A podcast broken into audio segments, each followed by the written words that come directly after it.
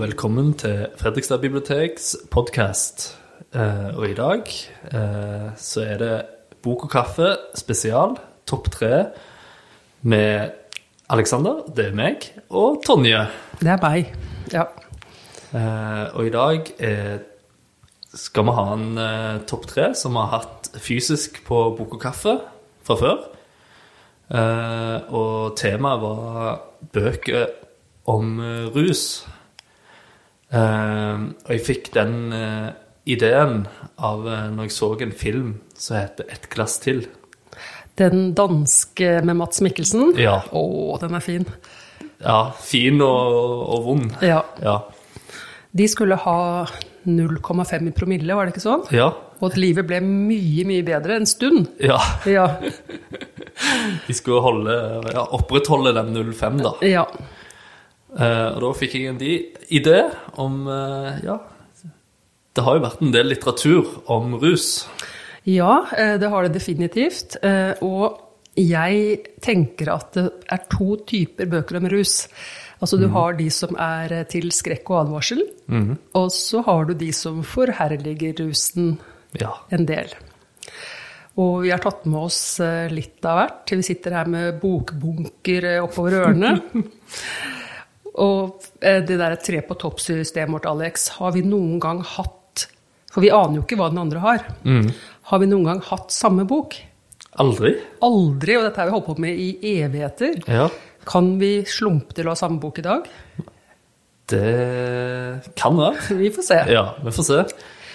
Uh, ja, er det noe mer vi skal si om uh, denne tematikken, da?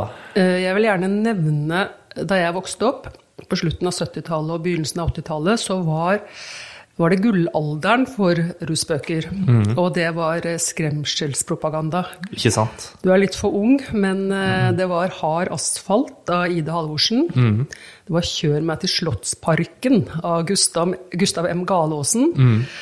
Og så var det selvfølgelig da Å være ung er for jævlig Ja. av Christiane F. Det er jo klassikeren. Det er eh, skremselsklassikerne. Ja, for den er lagt til Berlin.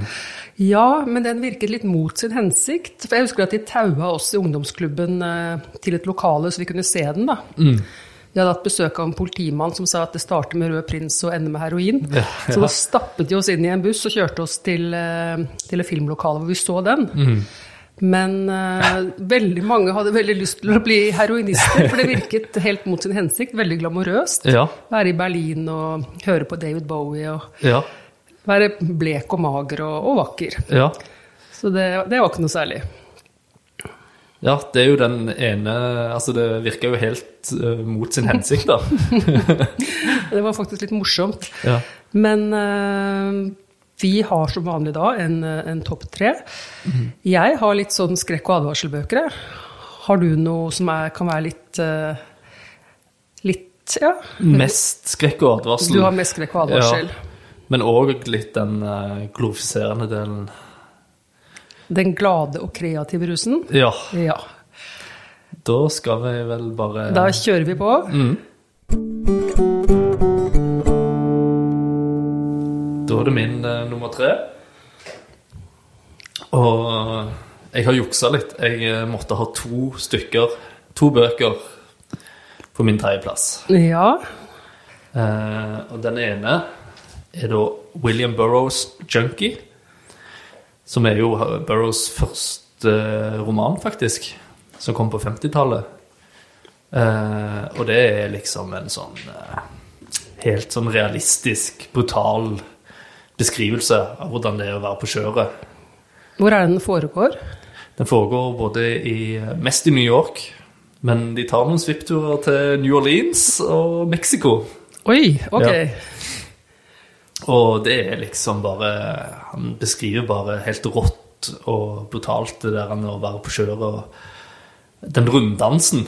Ja. Få tak i et nytt skudd og alle disse person... Altså, persongalleriet er jo helt crazy, og Og Ja, den måtte med fordi han var liksom sånn ærlig. ærlig. Men det, det er ikke liksom morsomt å være på kjøret i den boka der? Ikke veldig. Nei. Nei, den er mørk. Og Han var jo kjent for å være med i en del av eh, beat-generasjonen. Ja, det stemmer. Mm. Slags mentorperson, faktisk, for Jack Kerouac og den gjengen der. Han var jo en del eldre. Ja, det ante jeg ikke. Nei? Nei, men det er spennende. Ja. Det som er litt fint når vi har topp tre, og ikke aner hva den andre har, så er det jo ting som jeg ikke har vært borti, som jeg får nå et lite tips av deg. Så handler jo òg om det utenforskapet. Han var jo Fant tidlig ut at han var homofil òg. Ja, det var jo på den tiden der ikke så veldig stuerent. Det var det jo ikke, for dette var jo rett etter krigen. Så han hadde noen eh, demoner der.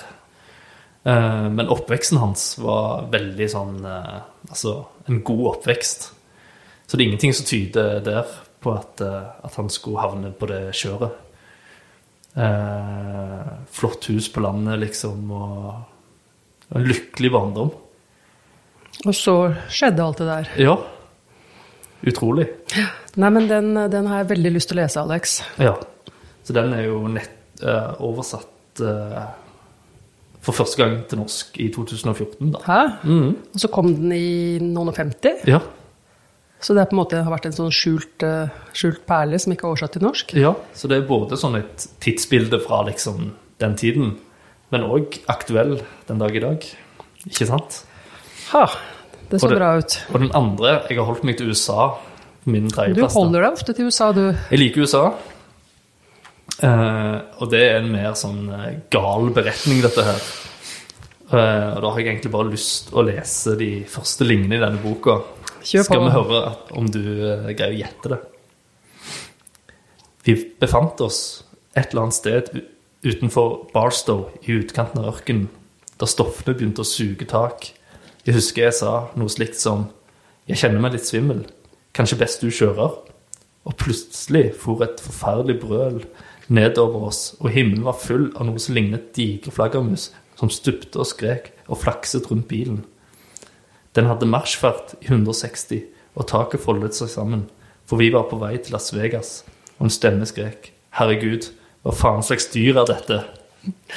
Ja, hvilken bok er det da? Og det er en klassiker. Ja, Det er, eh, er, det er Hunter S. Thompson, ja, og det er Frykt og avsky i Las Vegas. ja. Når kom den ut? Den kom ut, eh, må ha vært eh, 60- eller 70-tallet. Ja. Ja, litt senere enn den Junkie. Eh, og han eh, Ja, de som kjenner Hunter Stomsen, det er jo eh, Han var jo, fant jo opp noe som heter gonzo-journalistikk. Eh, Ja, hva er egentlig gonzo-journalistikk? Er det der hvor du lever det selv, på en måte? Istedenfor å intervjue folk, så, så gjør du det på egen hånd? Ja, på en måte. Altså, han, han var jo eh, Dekka jo sport. Men ofte når han dro, så var det helt andre ting han skrev om. Det er jo et utrolig morsomt konsept. Ja, så han reiste mye eh, Før han fant opp denne stilen, da, så dro han en del til eh, Sør-Amerika. Og ble nok inspirert av eh, Marquez, kanskje, som òg var en journalist. Ja, stemmer det. Som skrev eh, en slags, denne, en slags lignende stil. Eh, og Hunter Thompson, altså i Frukt og avsky, så skal de jo dekke et motorsykkelløp i Las Vegas. Det er det, det, er heller- det de egentlig skal. ja, men det er heller kasino og, og, og barene som frister, da. Du har sett filmen, Aleksander? Alexander? Ja, eh, hvilken av de? For det er jo to. Eh, Jeg tenker på den med, med Johnny Depp. Ja, det er jo klart eh, den beste. Den er faktisk ustyrtelig morsom. Ja, Så det kan vi egentlig kalle en relativt rusglamoriserende bok. veldig. Ja. De eh, prøver jo forskjellige typer stoffer og beskriver veldig bra hva som skjer. Og filmen er jo veldig tro mot boken her, da. Så Jeg hørte en anekdote om den, eh, om den filmen. Så ble Johnny Depp så gode venner med Hundreds Thomsen.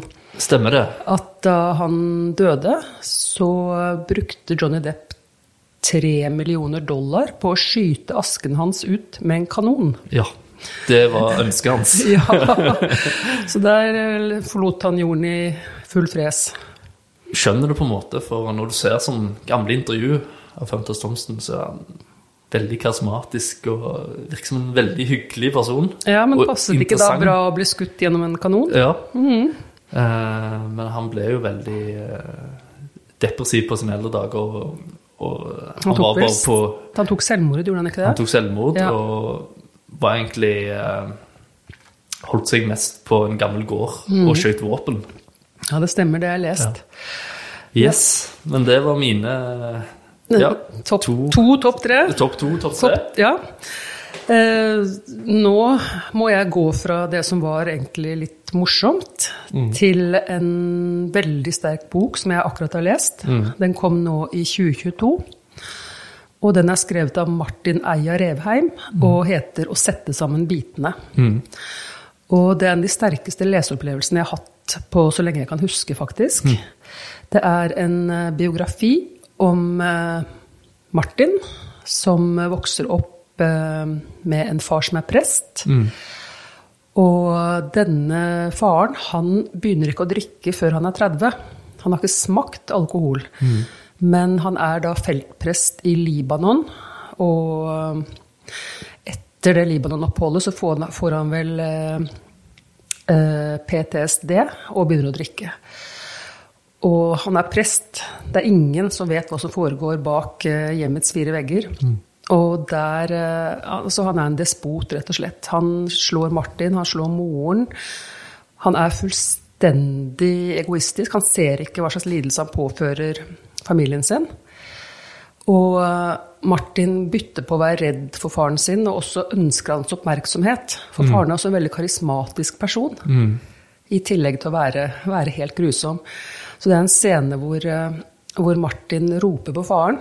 Der han har lagt hånden sin på bordet, han har en kniv, og roper at liksom, Se her, pappa, liksom, nå skal jeg skjære av meg en finger. Så sier faren sånn Ja, var det dette du ropte meg for? Og så bare snur han og går. Altså, så eh, hele barndommen hans er rett og slett eh, Den er ødelagt av å leve med denne faren. Så Martin blir voksen, og han eh, og Istedenfor også gå inn og spørre hva har skjedd med deg, hva har skjedd i hjemmet ditt, så får han en haug med diagnoser. Blir lagt inn på psykiatrisk og eh, blir pumpet full av medisiner. Og det er helt grusomme scener. Heldigvis så kommer han seg ut av det, og han blir etter hvert en Han starter bl.a. jazzklubben Blå i Oslo. Han eh, kommer seg opp på alt det der, men han, barndommen sitter i ham. Og der ligger den tittelen, ikke sant, å sette sammen bitene. Han prøver å, å få å si, fri seg fra demonene, da, på et vis. Altså, hva skjedde egentlig? Og ja, det er en forferdelig altså Den presten, da, han kommer i fengsel for å ha mishandlet sin kone nummer to. Og Martin besøker ham da på et hospits. ikke sant? Han er ikke prest lenger. Han har vært i fengsel. Altså Faren er så langt nede som han kan komme. Og da er på en måte Martin endelig klar for å, for å gå gjennom barndommen sin. Ja. Så denne boken her, eh, den er ganske kort, men den sitter i så lenge etterpå. Ja. Og så er den veldig godt skrevet. Han har aldri skrevet noe før. Nei, jeg har aldri hørt om han. Nei, ikke sant? Og så er den Han er faktisk også, til tross for det dystre temaet, så er den Han skriver også morsomt. Det, det makter han midt oppi det hele. Ja. Så den vil jeg anbefale på det varmeste. Det var en av de sterkeste bøkene jeg har lest i 2022. Og beste. Så han liksom møter faren, da, i fengsel. Nei, han møter faren når han har kommet ut. Kommet ut, ja.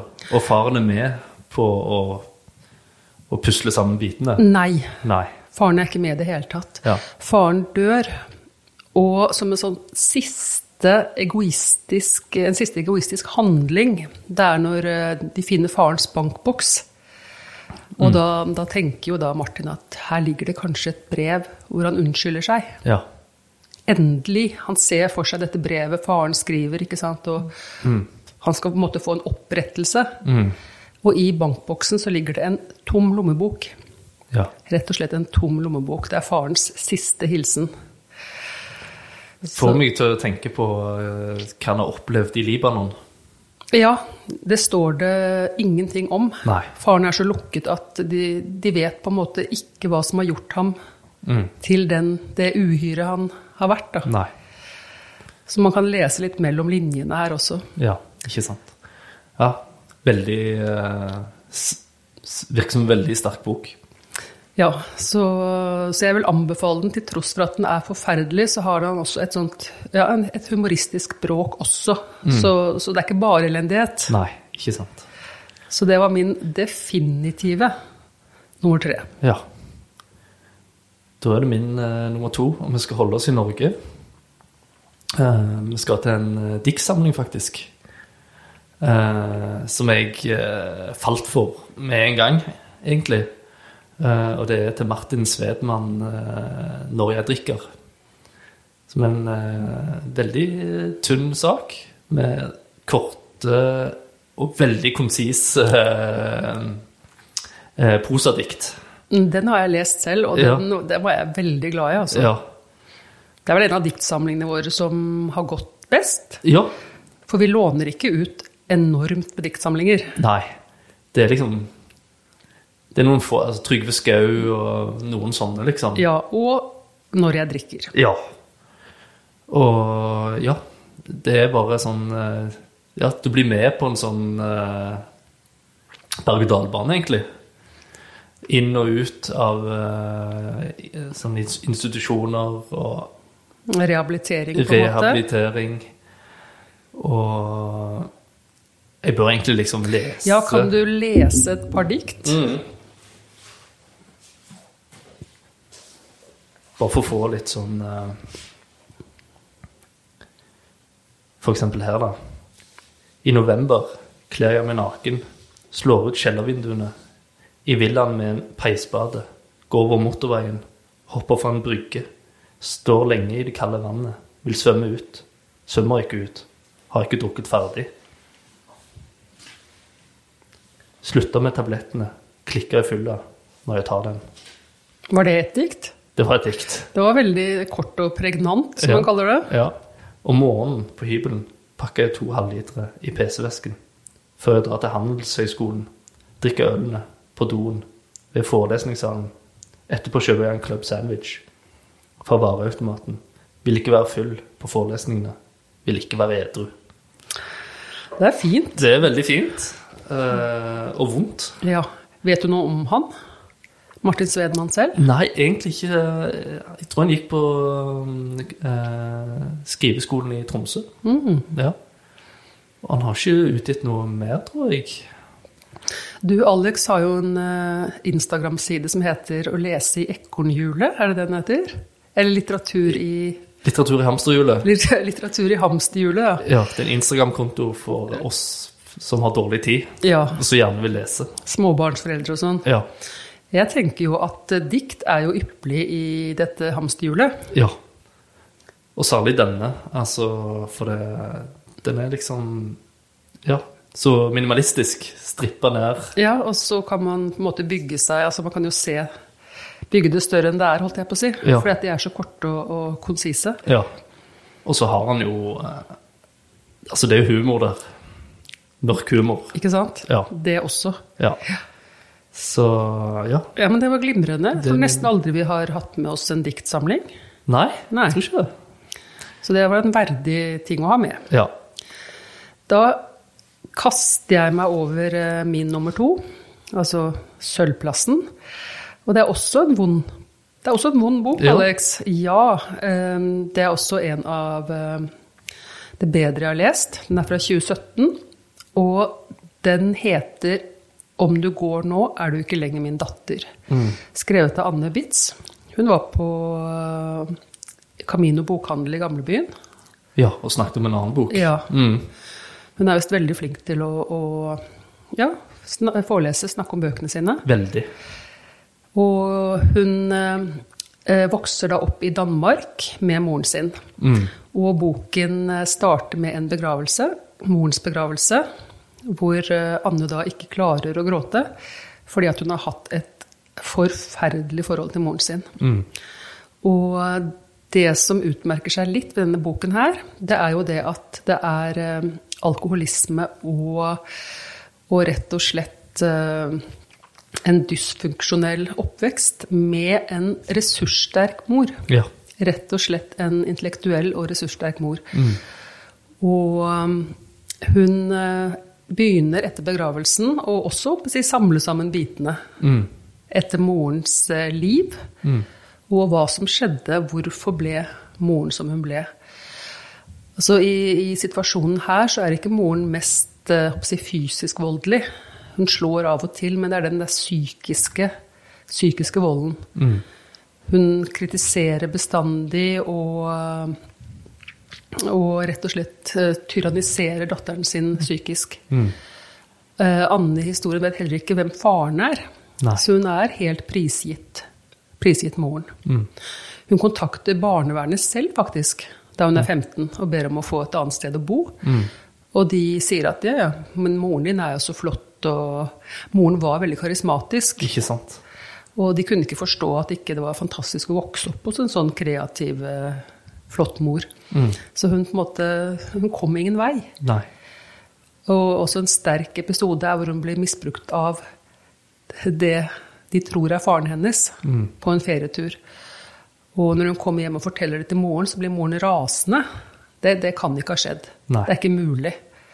Så heller ikke der får hun noe utløp og noe trøst. Nei. Så til slutt så flytter hun rett og slett hjem til en venninne, blir hentet i bil, og da sier moren de ordene da som, som tittelen spiller på, at går du nå, så er du ikke lenger min datter. Og um, jeg syns det er en veldig interessant bok, fordi at den tar opp, opp det der med at når familien virker flott utad, så er det vanskeligere å, å komme til, på en måte, og finne ut hva som egentlig da foregår. Så denne her er eh, virk, Og hun skriver så godt, altså. Hun skriver helt fantastisk godt. Og du vil på en måte se for deg denne moren og, og det livet hun har levd, da. Den derre klassereisen hun har foretatt, og, og også den eh, nedadgående spiralen til moren. Siste gang hun møter henne, så var moren invitert på eh, andestek, tror jeg at det var, et eller annet sånt. Ja. Hun skal feire at Anne er ferdig med en utdanning. Så kommer da Anne med familien til eh, morens gård, som er full av eh, tomme kartonger, skitt, rot. Moren kommer ut, ser helt forferdelig ut, og den frosne Anna den ligger jo på benken. og...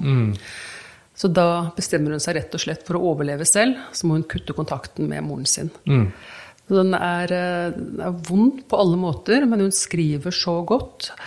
Og historien er så Nei, ikke spennende, det er jo et feil ord, men den, den er sterk, og den er god. Jeg har lest den tre ganger, tror jeg. Ja. ja det må jeg si. Det er jo eh, De bøkene dine kan jo minne litt om hverandre. Ja, de og det gjør å det. holde fa- fanga. Ja, og det også å, å Begge foreldrene er døde, ikke sant? både i den sett sammen biten og denne her. Ja. Og det å håper jeg, bli kvitt det åket, da. Ja. Og så gå gjennom hva var det som skjedde. Hva var det med den forelderen som gjorde at alt gikk så galt. Ja. Men også en likhet er at begge to har kommet seg gjennom det og ut på den andre siden. Og, gjort, og gjort det bra senere. Mm. Så begge to, begge to vil jeg anbefale. Ja. Da er, det, da er vi på førsteplassen, da. Ja, vi er det. Eh, og da skal vi holde oss i Danmark, faktisk. Nei. Jo. Eh, og det er en skikkelig sånn eh, klassiker. Leste jeg eh, når jeg bodde i Tromsø. Husker jeg hadde lånt den på biblioteket. Og så satte jeg meg på bussen og, og leste. Og det var kjempebra. Og så kommer det en gjeng eh, mannfolk og setter seg bakerst i bussen. Og så han ene bare altså Dette var en litt sånn sliten gjeng. Ja. Eh, og så ser han ene hvilken bok jeg leser. Han bare Det der er favorittboka mi. Er det sant? Og da visste jeg at jeg hadde Ja, dette var ekte vare. og vi skal til en bok som heter 'Hærverk' av Tom Christensen. Og da er det Det- ikke krimforfatteren Tom Christensen, men den danske forfatteren.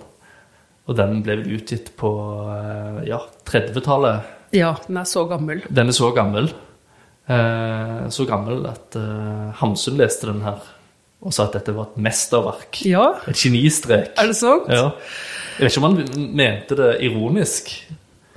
Kanskje ikke, for det er, det er en veldig flott bok. Altså, Jeg tror ikke den har fått en stor leserskare i Norge. Nei. I Danmark er den en, en av de Den er kanon i Danmark. Ikke sant? Den er på pensum der. Ja, den er Ja. enorm. Ja. Men uh, jeg visste nesten ikke at den var oversatt engang. Nei. Og han, eh, det handler jo om Jastaru, da. Som eh, lever i København med familie, journalist. Alt virker jo bra. Men en dag så får han jo besøk av to gamle kompiser. Og som gjør litt sånn narr av det livet han lever.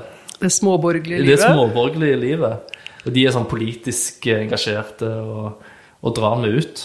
Og, og da får han det for seg at han, han vil gå til hundene. Han velger det. Ja. Jeg vet ikke om det er første gang liksom, det uttrykket 'gå til hundene' eh, kommer til. Men eh, eh, Og da er det liksom eh, Ja. Det, det er på fylla i København og jazz og Og den er jo litt sånn forherligende òg. Men samtidig mørk og dyster. Eh, så Ja. Og veldig sånn eh, klok bok. Masse sånne interessante eh, ting han sier. Så, Altså, Jeg har ikke lest den selv, jeg har bare lest mye om den. Ja. Men du trenger kanskje ikke si hvordan det går med ham. Nei, Nei. for det er jo litt sånn Ja, det kan vi ikke si. Nei. Man må lese den selv. Ja.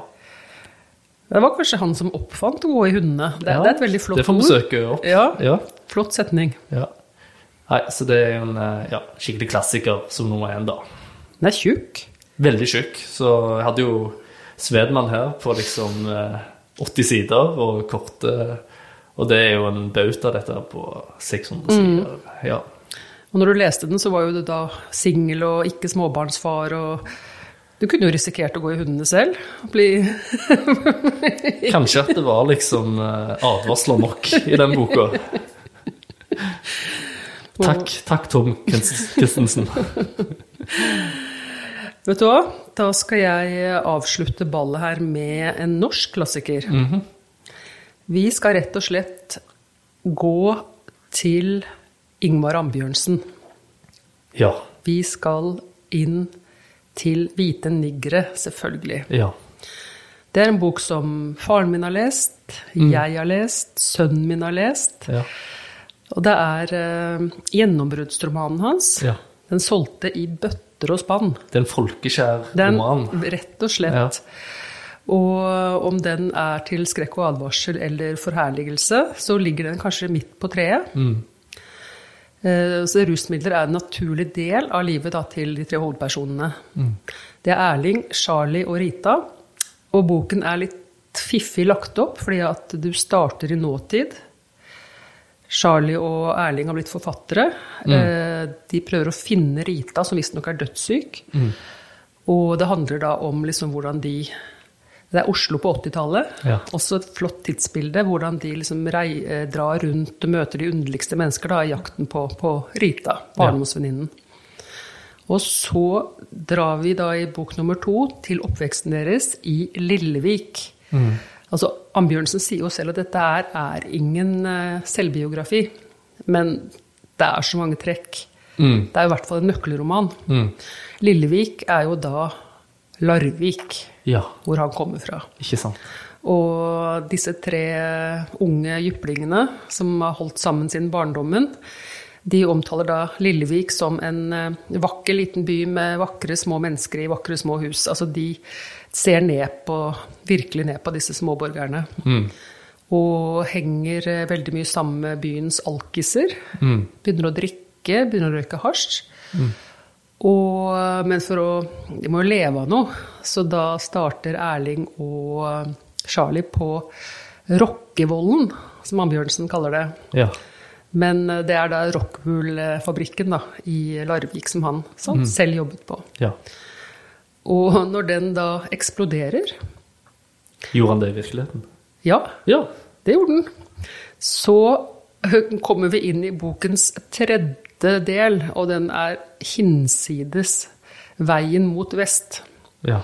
Etter at denne har eksplodert, denne fabrikken, så drar Erling på gartnerskole i Hardanger. ja. Og det, Frykt og avsky i, eh, på Vestlandet. Vestlandet.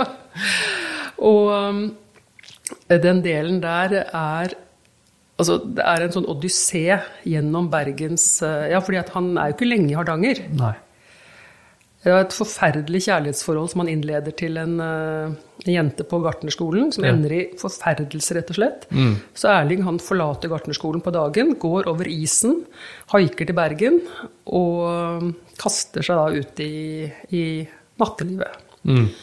Til Bergen kommer også Charlie. Han har vært på hyre på en båt og tjent penger. Og med de pengene i lomma, så Ja. rett og slett, da, da skjer det ting. Ja. Men eh, når eh, det kommer mye kjønnssykdommer i dette miljøet her, Ja. så Erling og Charlie er ganske lei av å møte på Helserådet Ja. etter hver helg. Mye syflis og ting i Bergen, så da drar de tilbake til Oslo, og så har den gått i ring, på en måte, da. Da havner vi i nåtiden. ja. Det er kanskje før uh, hiv Uh... Uh, ja. Det er såpass tidlig at det var før, Ja. før hiv-epidemien kom Mm. på ordentlig til Norge. Ja. Så um, jeg, altså, jeg vet ikke om den offisielt er i noen kanon, men jeg syns i hvert fall den burde være det. Mm. Den derre Den ferden de, de går igjennom, på en måte, det er eh, utrolig, utrolig morsomt. Og selvfølgelig også trist. Som bøker bør være. Ikke sant?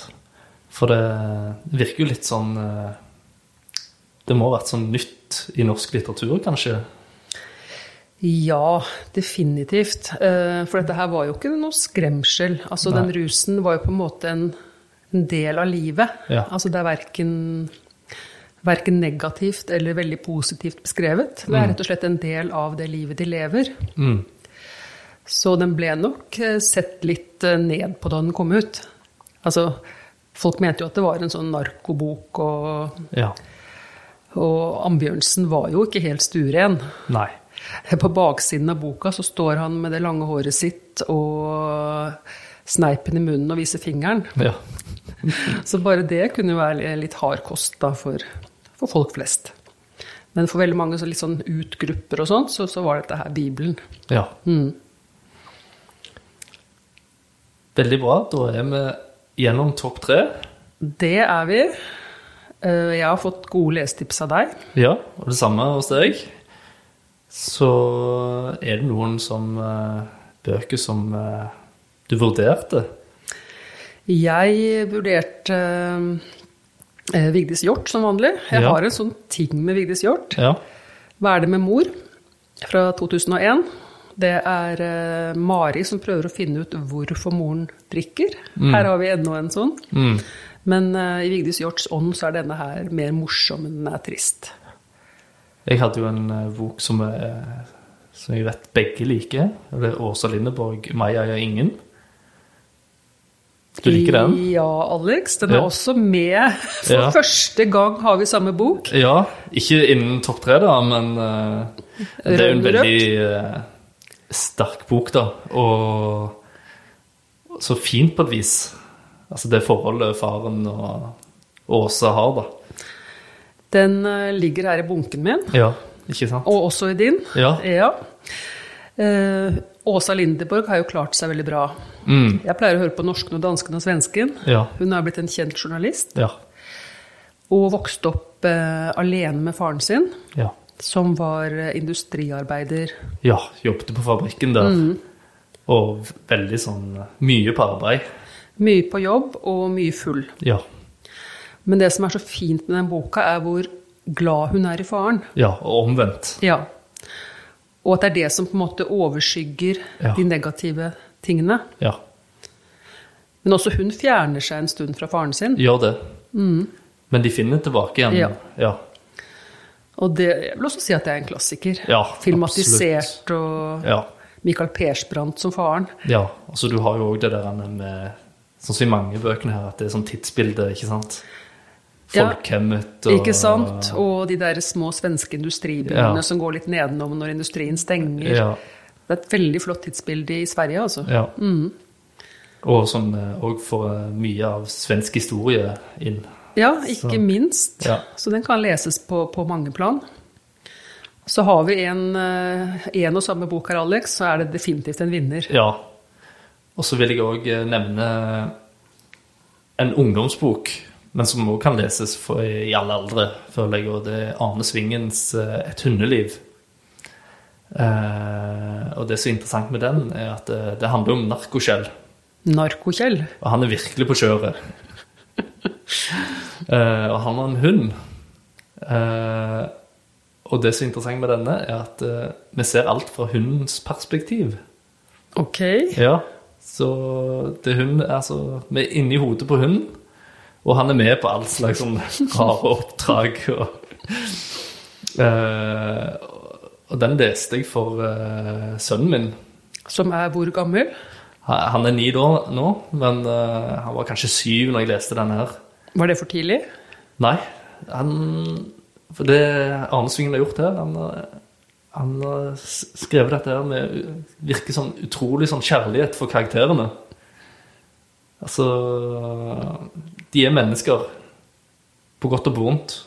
Og, og øh, sønnen min syntes at dette var veldig fascinerende, og spurt mye om ja, hvordan det er å være narkoman og Så det kan også være en inngang til å snakke om mm, at ja, man er mennesker uansett. Ja. Og det går bra med hunden. Jeg hater å lese bøker hvor det er dyr som dør. Hunden til narkokjell. Kan ikke spoile det. Nei, ikke spoil det. Nei. Og så vil jeg òg nevne Dopesick av Beth eh, Macy, som jo eh, er boken bak eh, TV-serien. Ja, den har jeg sett. Nei, Du- nei, jeg har ikke sett den. Jeg har lest boka, men jeg har ikke sett TV-serien. Nei. Om Ja. Hva heter det stoffet de, Det er de blir pusha på? Oxycontin. Oxycontin. Mm. Store legemiddelselskap. Purdue. Ja. Ja, det handler vel om hvordan de blir stilt for retten, ikke sant? Eh, nå det jo, er det jo en ordentlig pandemi, Ja. og det startet jo faktisk med Purdue. Ja. At de eh, eh, reklamerte voldsomt for dette stoffet, Ja. som ikke var avhengighetsskapende, påsto de. Og de hadde strøket noe med bivirkninger. Ja, ja, ja. Ja. Det fantes ikke bivirkninger. Nei, det fantes ikke bivirkninger. Det var kjempefint. Ja, og det ble sånn der en eh, Ja, det var sånn du kunne få på hos legen din. Ja, ja, ja. Helt lovlig. Så Veldig mye i de eh, amerikanske byene hvor eh, ja, så det har vært mye industri. ja. Og folk eh, var slitne, de hadde ryggskader. Mm. Gikk til legen, og legen hadde dette nye vidundermiddelet, ikke sant? Ja. Og når de da ble avhengige, for du ble avhengig, Ja. og legen ikke skrev ut mer, Mm. så måtte du da finne deg andre steder. ja. Så, og den rettssaken, for de blir vel dømt, det legemiddelselskapet, til å betale erstatninger og, og sånne ting. Mm.